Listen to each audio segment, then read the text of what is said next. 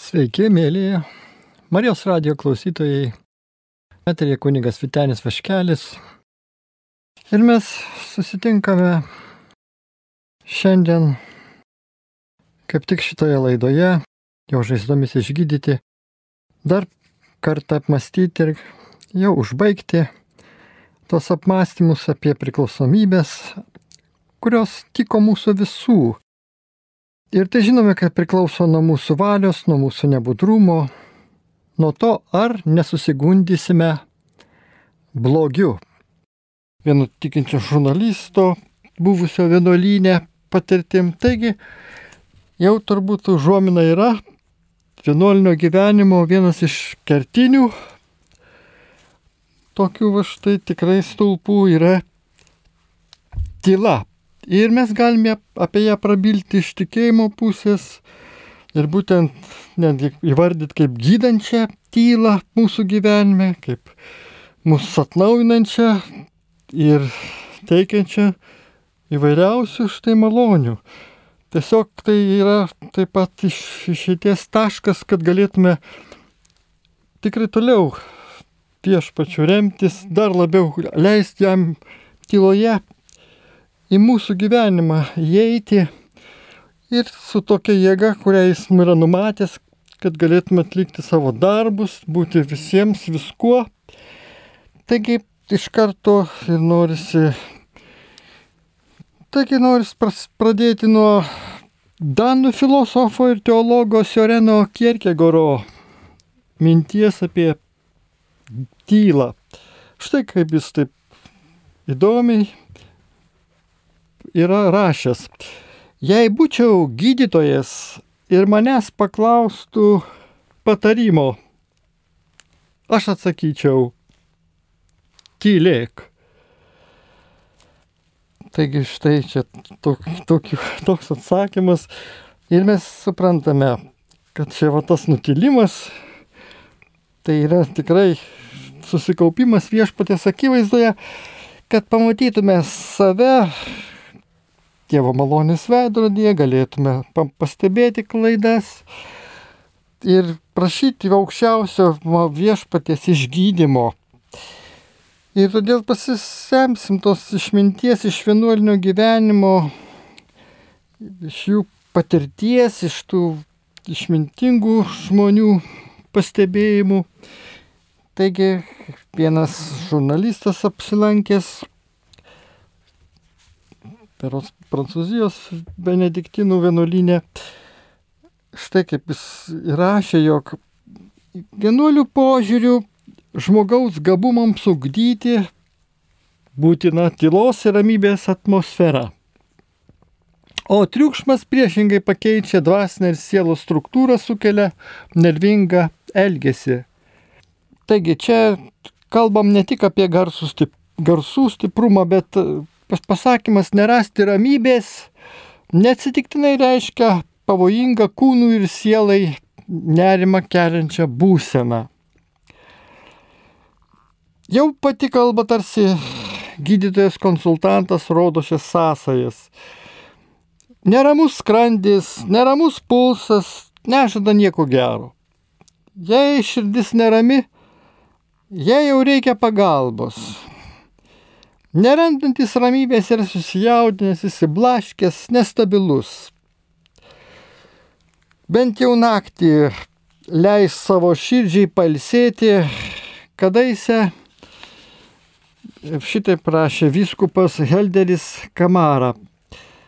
Bent jau naktį liaukis bėgęs, nuramink troškimus, varančius tave iš proto. Ir štai vienuolinė stengiamasi sukurti tą erdvę, kurioje gydomoji santūrumo ir tylėjimo gale turėtų kuo nuo didžiausią poveikį ir būtų galima sutvarkyti savo pašlyjusius reikalus.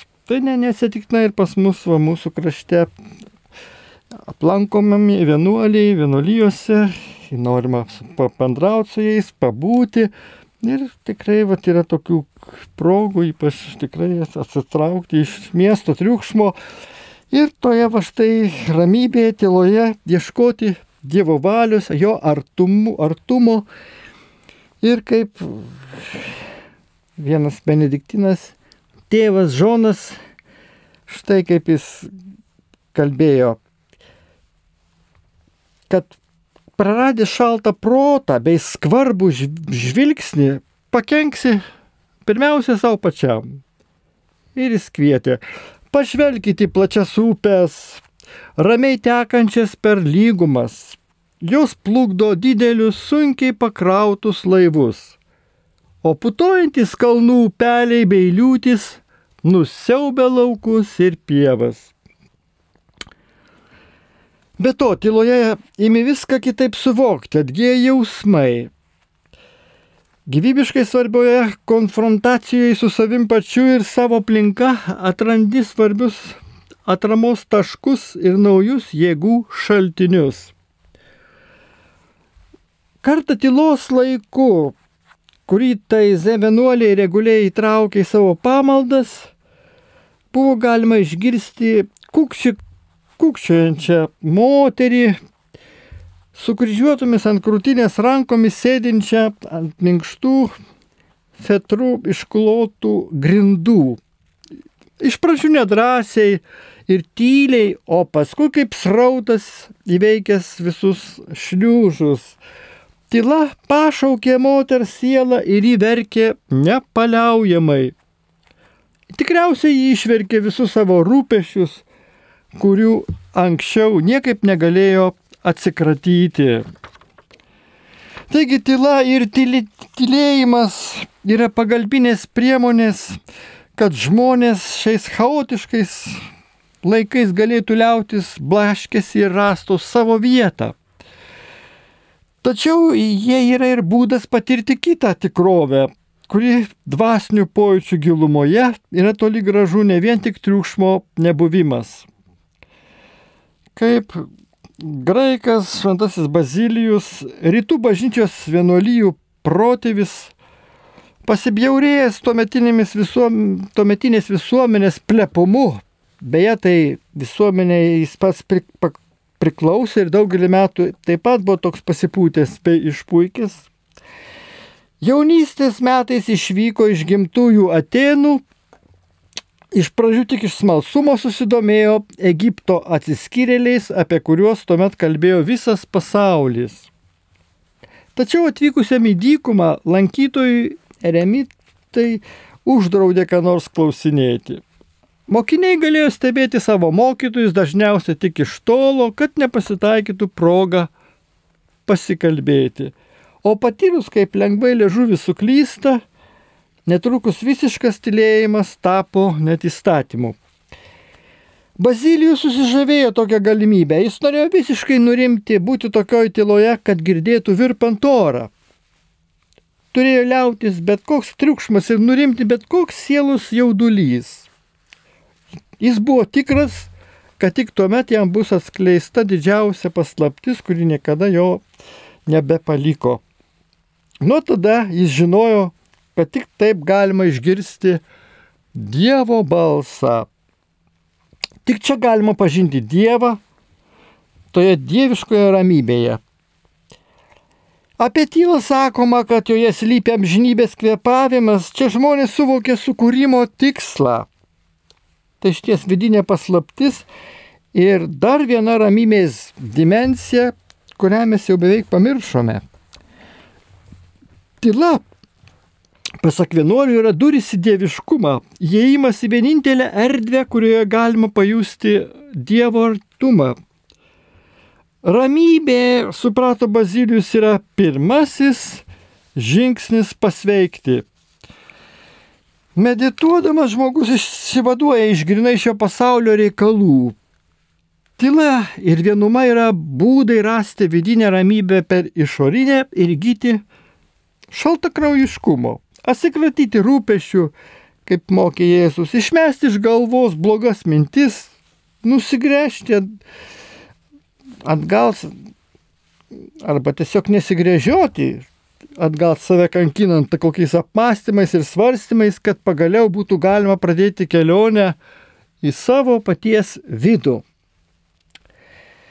Dabar aiškėja, kodėl vienuoliai ieško tylos ir tylėjimo šios nežemiškos ramybės jėgos.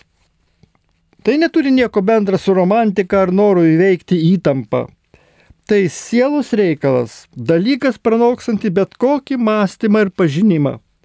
Taip sako tie, kurie tokiu šventų tylėjimu išgrinino savo širdį ir nenusakomų būdų susivienijo su šviesa, kur yra niekas kitas, o pats Dievas. Tai yra nenusakomos ir nesuvokiamos Dievo paslapties atskleidimas.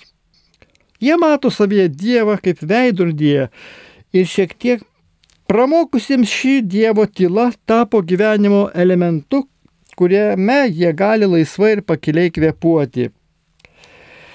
Didieji vienuoliai medituodami ne apie savai ego sukasi, bet ieško prieimimo, prieimo prie amžinosios tiesos. Tačiau čia reikia daug kantrybės, ir didelio nusižeminimo, o be nepaliaujamos maldos tai visiškai neįmanoma.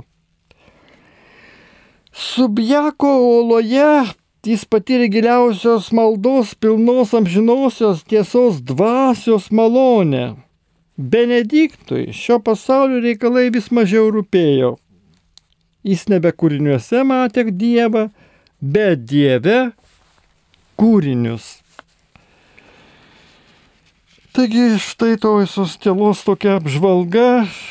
Dabar norisi jau pasiremti ir Tomu Mertonu išvalgomis ir Dievo žodžiu, kad mes galėtume irtis į tam tikrą dvasinę gilumą, kad viešpas mums dar labiau atvertų tos tylos slėpinį ir mes ilgėtumėm stilos minučių savo gyvenime, savo būtyje, savo pas, kartais, taip sakom, pasaulietiškam gyvenime, kuris turi būti sukildintas, sudvasintas ir Dievo malonių pripildytas. Taigi Dievas mūsų kuriejas davė mums kalbą, kuriame, kurią galime apie jį kalbėti, nes tikėjimas ateina per klausimą, o mūsų liežuviai yra raktai, kuriais atrakinamos dangaus duris. Tačiau, kai viešpas ateina kaip jaunikis, nebėra ką sakyti išskyrus tai, kad jis ateina, o mes turime eiti jo pasitikti. Kaip mato Evangelijai 25 skyriui rašoma, štai jaunikis, išeikite pasitikti. Po to einam pasitikti jo vienumoje. Ten mes su juo bendraujame vieni, be žodžių, be blaškančių minčių. Mūsų visos būties tyloje. Jeigu tai, ką sakome, yra skirta tik jam vienam, vargu ar tai gali būti išsakyta žodžiais. Taigi, dar Tomas Mertonas byloja, taip aiškiai, imperatyviai kreipiasi į kiekvieną tikintį, ne tik į vienuolį. Netrošk labiausiai būti Dievo globojimas ir guodžiamas, svarbiausia, trokš jį mylėti. Per daug nesirūpink, kad kiti rastų paguodą Dieve, geriau padėk jiems Dievą mylėti. Neieškok paguodos kalbėdamas apie Dievą, bet pasakok apie jį, kad jis būtų pašlovintas. Jei tikrai jį myli, niekas kitas tavęs nepaguos, kaip tik jo pašlovinimas. Jei virš visko labiausiai sieksi jo šlovės, tuomet būsi pakankamai nuolankus, kad primtum iš jo rankų paguodą, primdamas ją pirmiausia dėl to, kad parodydamas mums savo įgailestingumą, jis yra pašlovinamas mūsų sielose. Jei ta šlovė tau, tau bus svarbiausia, tuomet suprasi, kad geriausias būdas paguosti kitą šalia esantį kaip tik yra va štai viešpaties garbinimas.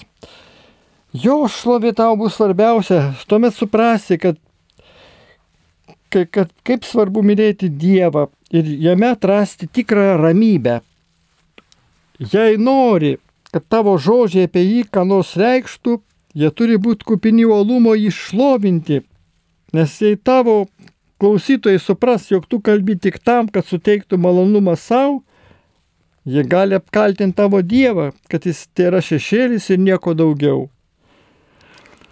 Jei myli jo šlovę, tu sieksi šios transcendencijos, o ji pasiekiama tyloje. Yra dabar nutraukiame telefonus, skambutis beros prašom. Taip mums paskambino Jonas iš Anikščių. Alio, garbė Jėzų Kristai. Per amžius amen. A, Šitą gerbiamas Lebonė, aš norėjau, ar galit ka kažkiek padėti. Mano sūnus taip geria, taip geria, aš nežinau ir melžiuosi ir viską prašau. Viešpatės Dievą ir Marijos motina iš šventosios dvasios. Ar galit kažkiek, ar palaiminti, ar, ar kaip nors. Taip, nors. taip, tai jūs esat kaip tik tėvelis, tai vat viešpatė. Jau jeigu išdrįstat skambinti, jau kreipėtės, Marijos radio aud- auditorija plati pakankamai ir dabar girdi jūs ir mes visi va štai su to didžiuoju rūpešiu kreipiamės viešpatė į tave dėl jūsų su sunaus, sunelio sugrįžimą į tėvo namus, į atsvertimo kelią, į tą suvokimą pirmiausia, kad, kad, kad tai, ką daro žmogus, tai yra blogai, kad jis savo štai kenkia labiausiai, kad, kad turi, turi ir pamatęs tą blogį, o Dievas tegul apreiškia, apšviečia jam tą savo šviesą, kad, nu tikrai galimas pasirinkimas, kitas kelias. Taip, galbūt per nu, nuolankumą, pirmiausia, ieškant ir jeigu tik yra galimybės išpažinties, kai- va, pas kunigą, tai būtent šitaip nu, nutyrinant savo širdį, tai gal viena svarbiausių priemonių per sakramentus, per bažnyčią prie Dievo artėti. Nu, bet aišku, yra ir anoniminių alkoholikų, mes žinome, ir, ir grupės, ir jeigu jūs netiek, nu, jeigu kaime, tai va sunkiau, bet, bet tada reikia ir gydymos priemonės taikyti, vat, ir, ir medikų net, visas, visas priemonės, su malda, su tikėjimu, jeigu jis tai mažiau meldžiasi, žinoma, gal nesinori daug plėstis, tai vat, kaip yra, bet vis prisitaikykit šias mintis. Be abejo, jūs, teveliai, tada melžytis. Bendruomenė pa- parapijoje irgi va, gali būti traukiama tie aktyvesni žmonės, mal, maldoj ir tikėti. Ne tik melstis, kaip, vat, galvojant, kad malda savaime jau padės, bet viešpats per maldą su tikėjimu laikui bėgant iš tikrųjų atves jūsų sūnui tiesos, doros, į Dievo pažinimo tiesos meilės kelią. Tai, tai tada viešpas te laimina jūs, te laimina jūsų sūnų, te pripildo viešpas į malonių gausą, kad jis suprastų, kad pirmas žingsnis pamatyti savyje bėdą ir suprasti, kad pats negaliu pakilti, savo jėgomis negaliu savęs iš, išgelbėti. Padėk viešpatė, šauktis Dievo pagalbos. Dieve, paskatink šito tevelio sūnų.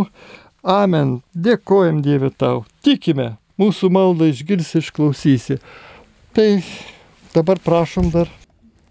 Taip dar yra SMS žinutė, kurią mums parašė Nerijus.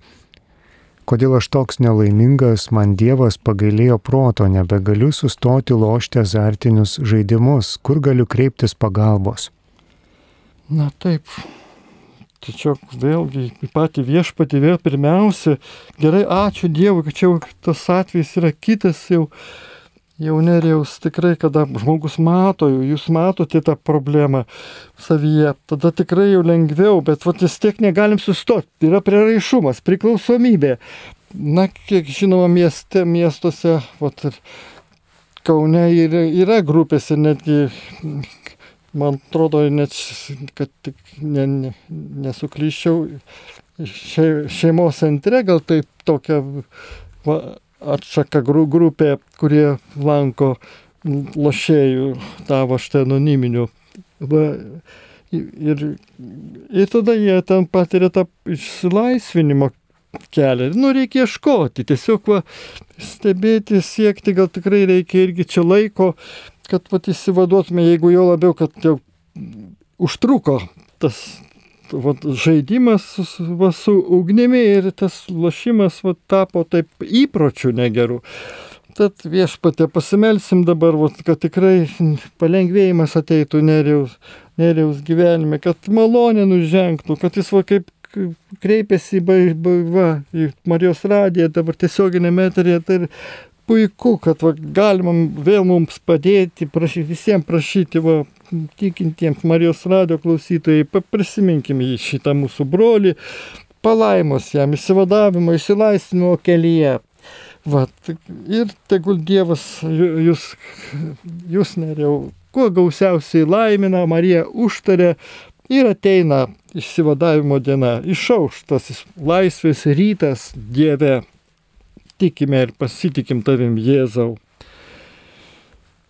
Taigi viešpatie tikrai atiduodam visus šios mūsų brangiuosius tavo, o štai tavo širdį jos pavedam ir tikrai vas jaudina, kai va iš tiesų yra tokių mūsų aplinkoj brolių sesių, kuriems, kuriems reikia pagalbos. Tai štai mes ir nedvėjodami ištiesiam tą ranką pagalbos, melžiam, laiminam juos ir tokiu būdu pašventinam pačius save, nes suprantame, kad tuomet Dievo meilė veikia mumise. O vėlgi, grįžtant prie ištakų, mes suprantame, kad ją priimti netriukšme, ne chaose įmanoma, bet tylos ir ramybės ieškant pats ir fizinės tylos aplinkoje taip pat labai svarbu, kad galėtų kūnas nurimti, o siela, siela į Dievą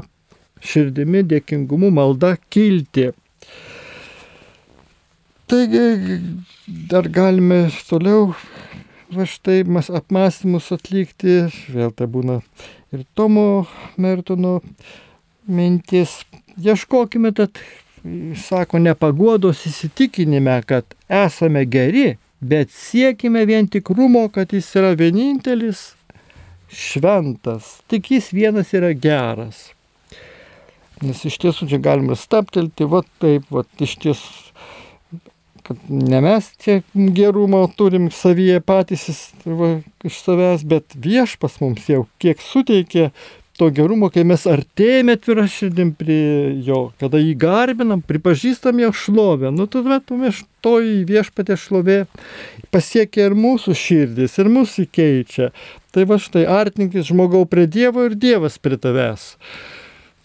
Ir kągi, neretai mūsų tyla ir mūsų maldos labiau padeda atvesti žmonės prie Dievo pažinimo, nei visi mūsų žodžiai apie jį. Vien tai, kad apie jį kalbėdamas trokšti teikti Dievui šlovę, dar nėra, negarantuoja, kad tavo kalba viešpažiui tikrai teiks šlovę. O kaip tada, kai jis labiau norėtų, kad tu patilėtum? Ar niekada nesigirdėjęs, kad tyla jam teikia šlovę? Tie, kuriems patinka jų pačių triukšmas, nekantrauja dėl visko, Taigi galim tokius žmonės prisiminti, kurie nuolat teršia miškų, kalnų ir jūrų tylą. Jie skverbėsi gamtos tylą su savo automobiliais, baimindamėsi, kad ramus pasaulis gali juos apkaltinti dėl jų pačių tuštybės.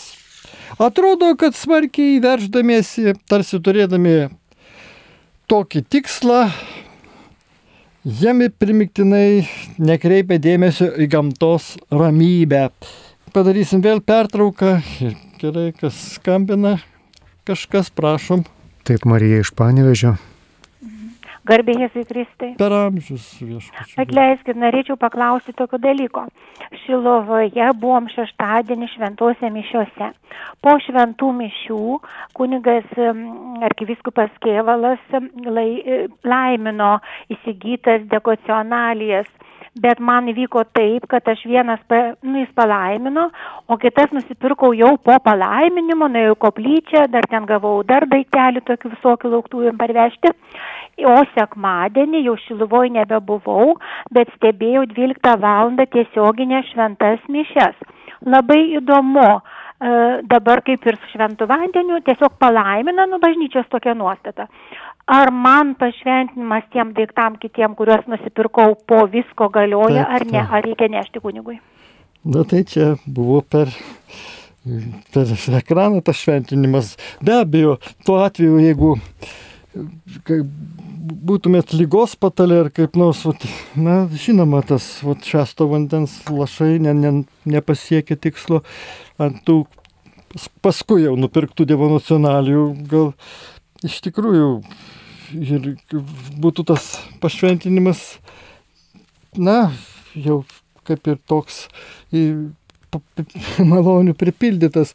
Bet ir dabar, vat, tai netgi galiu, net čia aišku, toks kaip retas atvejis, pagalvoju, kad jeigu tiesiogiai per televiziją, bet jūs galėtumėt vis dėlto nueiti pas savo kunigą ir, ir, ir visgi paprašyti to pašventinimo, kad tai būtų toks, na, tikrumas iš tiesų. Nes vis dėlto pašventinimas, kiek mes žinome, galioja tiems, kurie yra toje erdvėje, ton mišių dalyviams, kurie turi rankose. Taip ne, neteko girdėti, kad va štai visi, kurie, pavyzdžiui, prie televizorių ekranų ar, tai, ir jie turi rankose š, tas Dievo nacionalijas, jos yra taip pat pašventinamos. Na, tai tada reikia, vadinasi, vat, padarom išvadą, kad reikia vis dėlto to pašventinimo kreipiantis į, į savo vietos kunigą, vat, ir kad tas, toks, tas pilnumas ir būtų va, toms Dievo nacionalijoms suteiktas. Aš manau, kad, kad va, toks va, būtų aiškinimas. O bet kokiu atveju, aš manau, pa- palaima dar kartą, va, tikrai jau sergantiem, kur vien vienišiem žmonėm, nu negalim pakilti iš patalo, tai manau, iš tos ir, ir tikrai Dievas sukaupo atlygina taip kaip ir šventose mišiose, kurie negali tiesiogiai dalyvauti, tai vat namų, namų aplinkoje prie televizoriaus žiūri, stebi ir visą tai viešpas užskaito tarsi, va, kad būtų jie toje erdvėje, kur vyksta pamaldos. Tai gal tiek tada.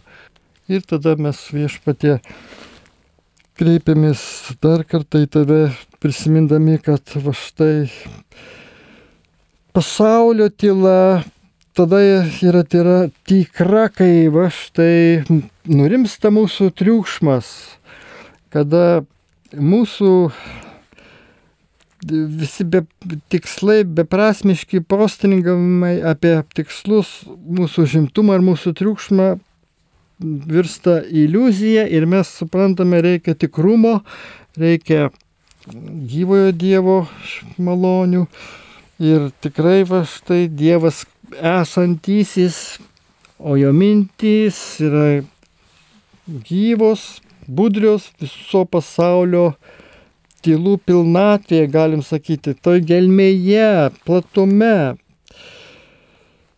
Taigi viešpats būdi migdolo medyje, kad įvykdytų savo žodį, kad va štai auktų tas jo kūrinėlis.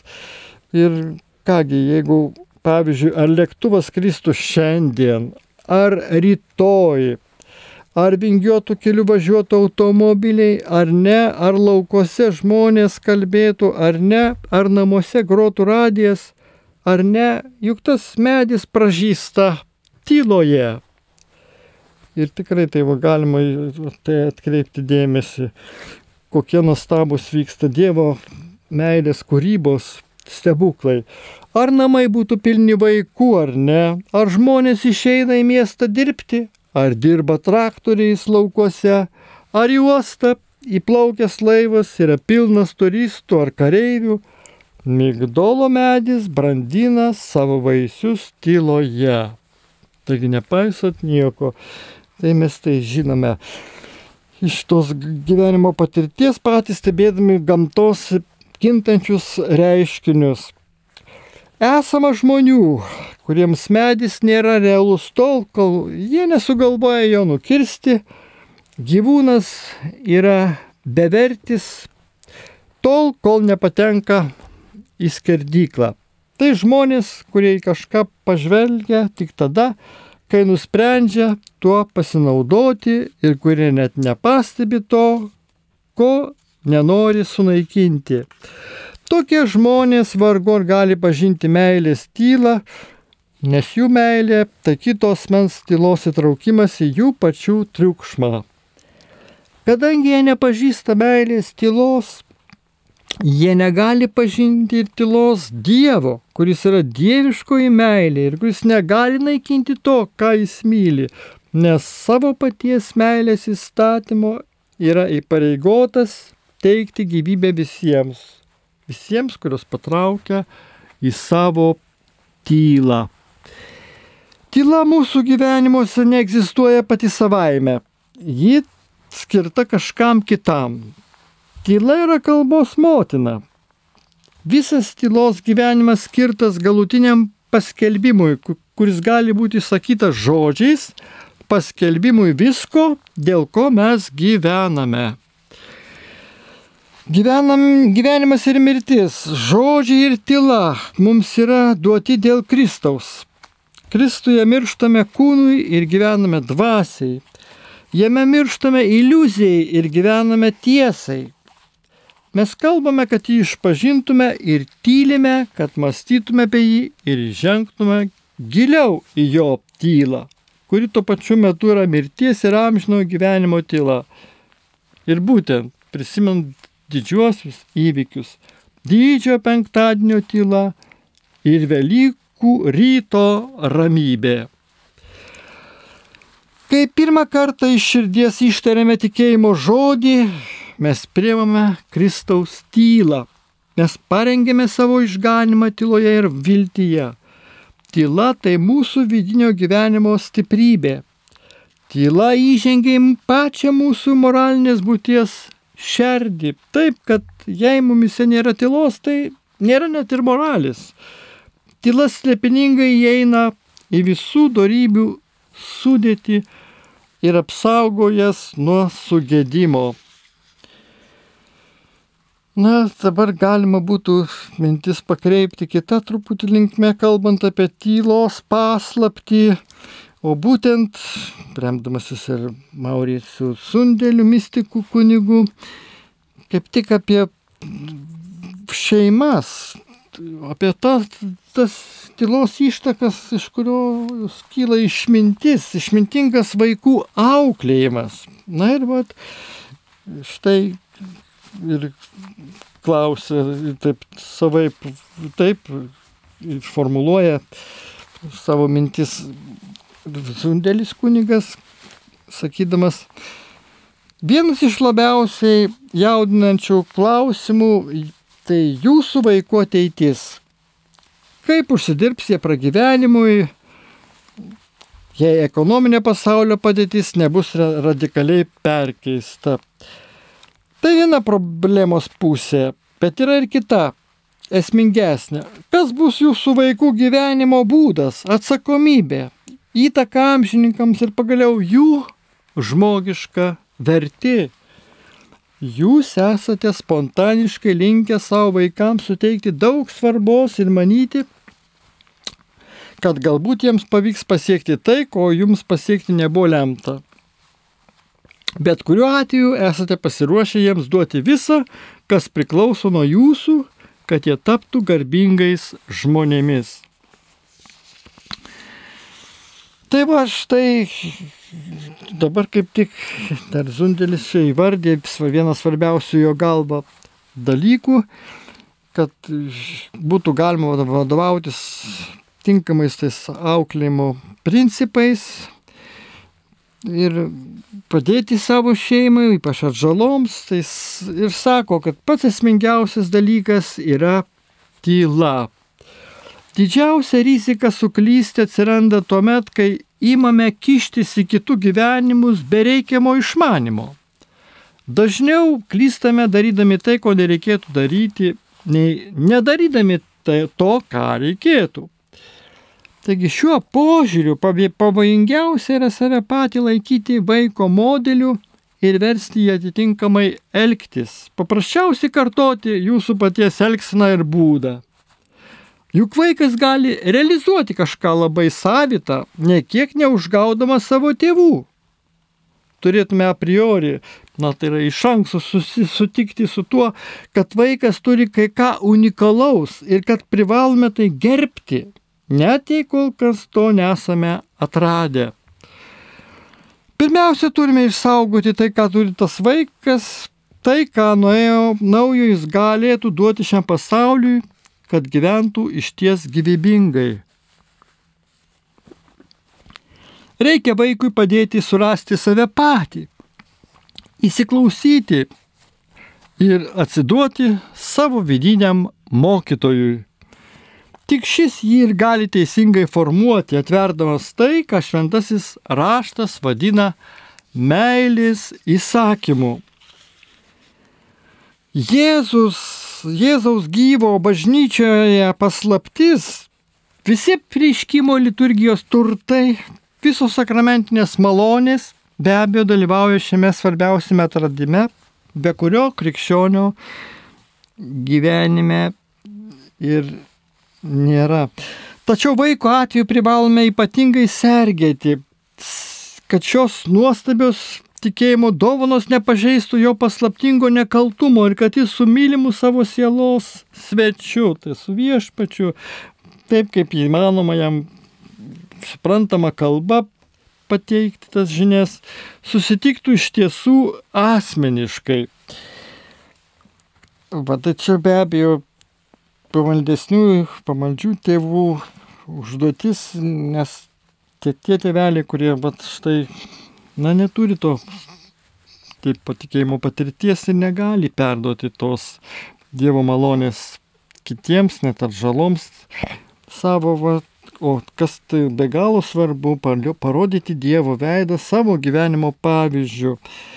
Taigi auklėtojas negali daryti nieko daugiau, tik paruošti vaiką šiam susitikimui su tuo svečiu, su pačiu viešpačiu.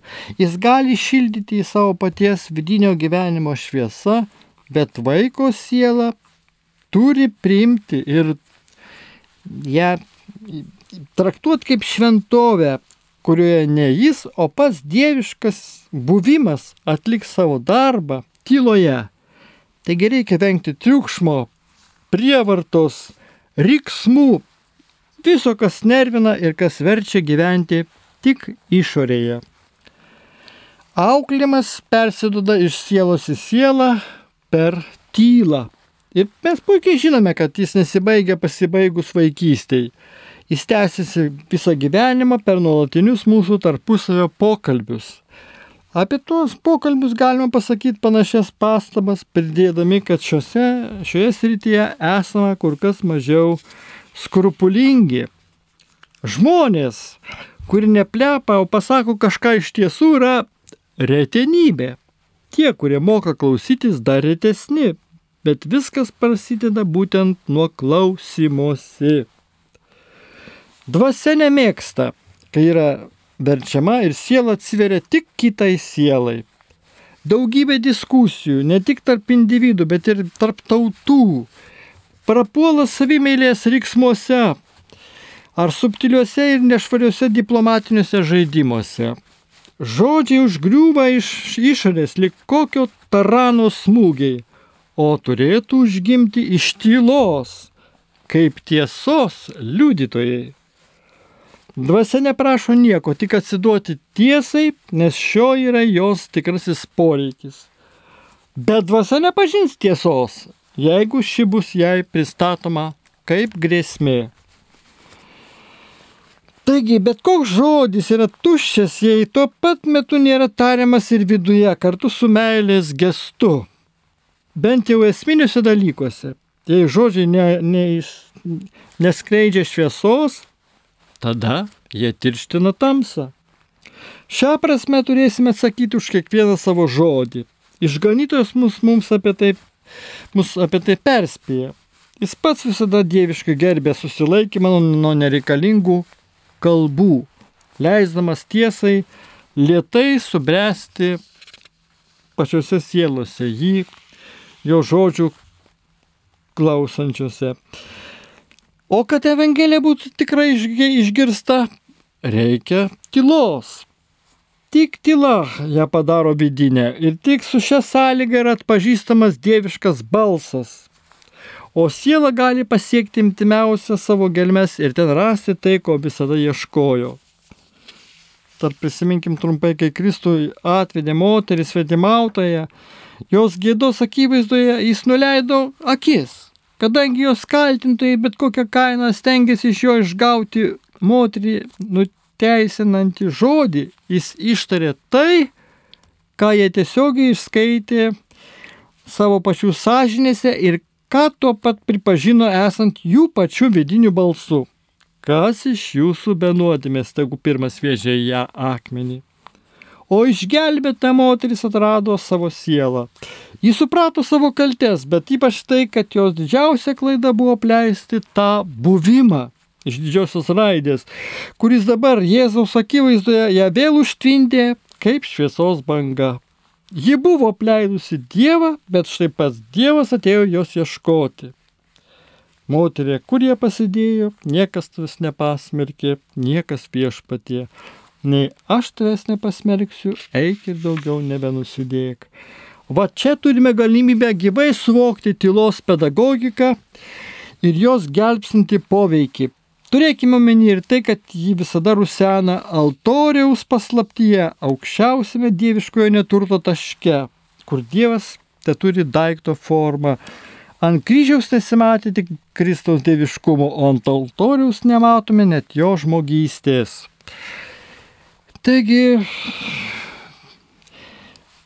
mūsų žodžiai, galim taip apibendrinti, ir besaikiai aiškinimai, visa kompromituo, visa kompromituotų, visa susiaurintų, užtvertų sieloms kelius į tikėjimą, jeigu jų klegėsiui nebūtų prieš priešinta tyla.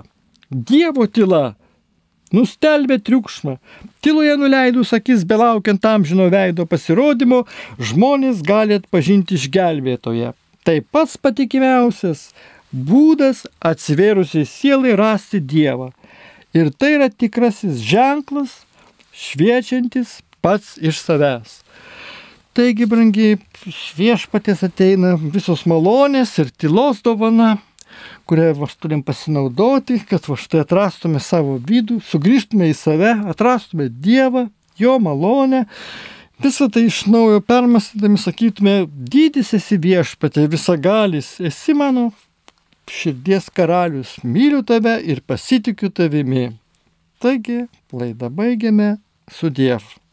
Studijoje buvo Kauno arkiviskupijos egzorcistas kunigas Vitenis Vaškelė.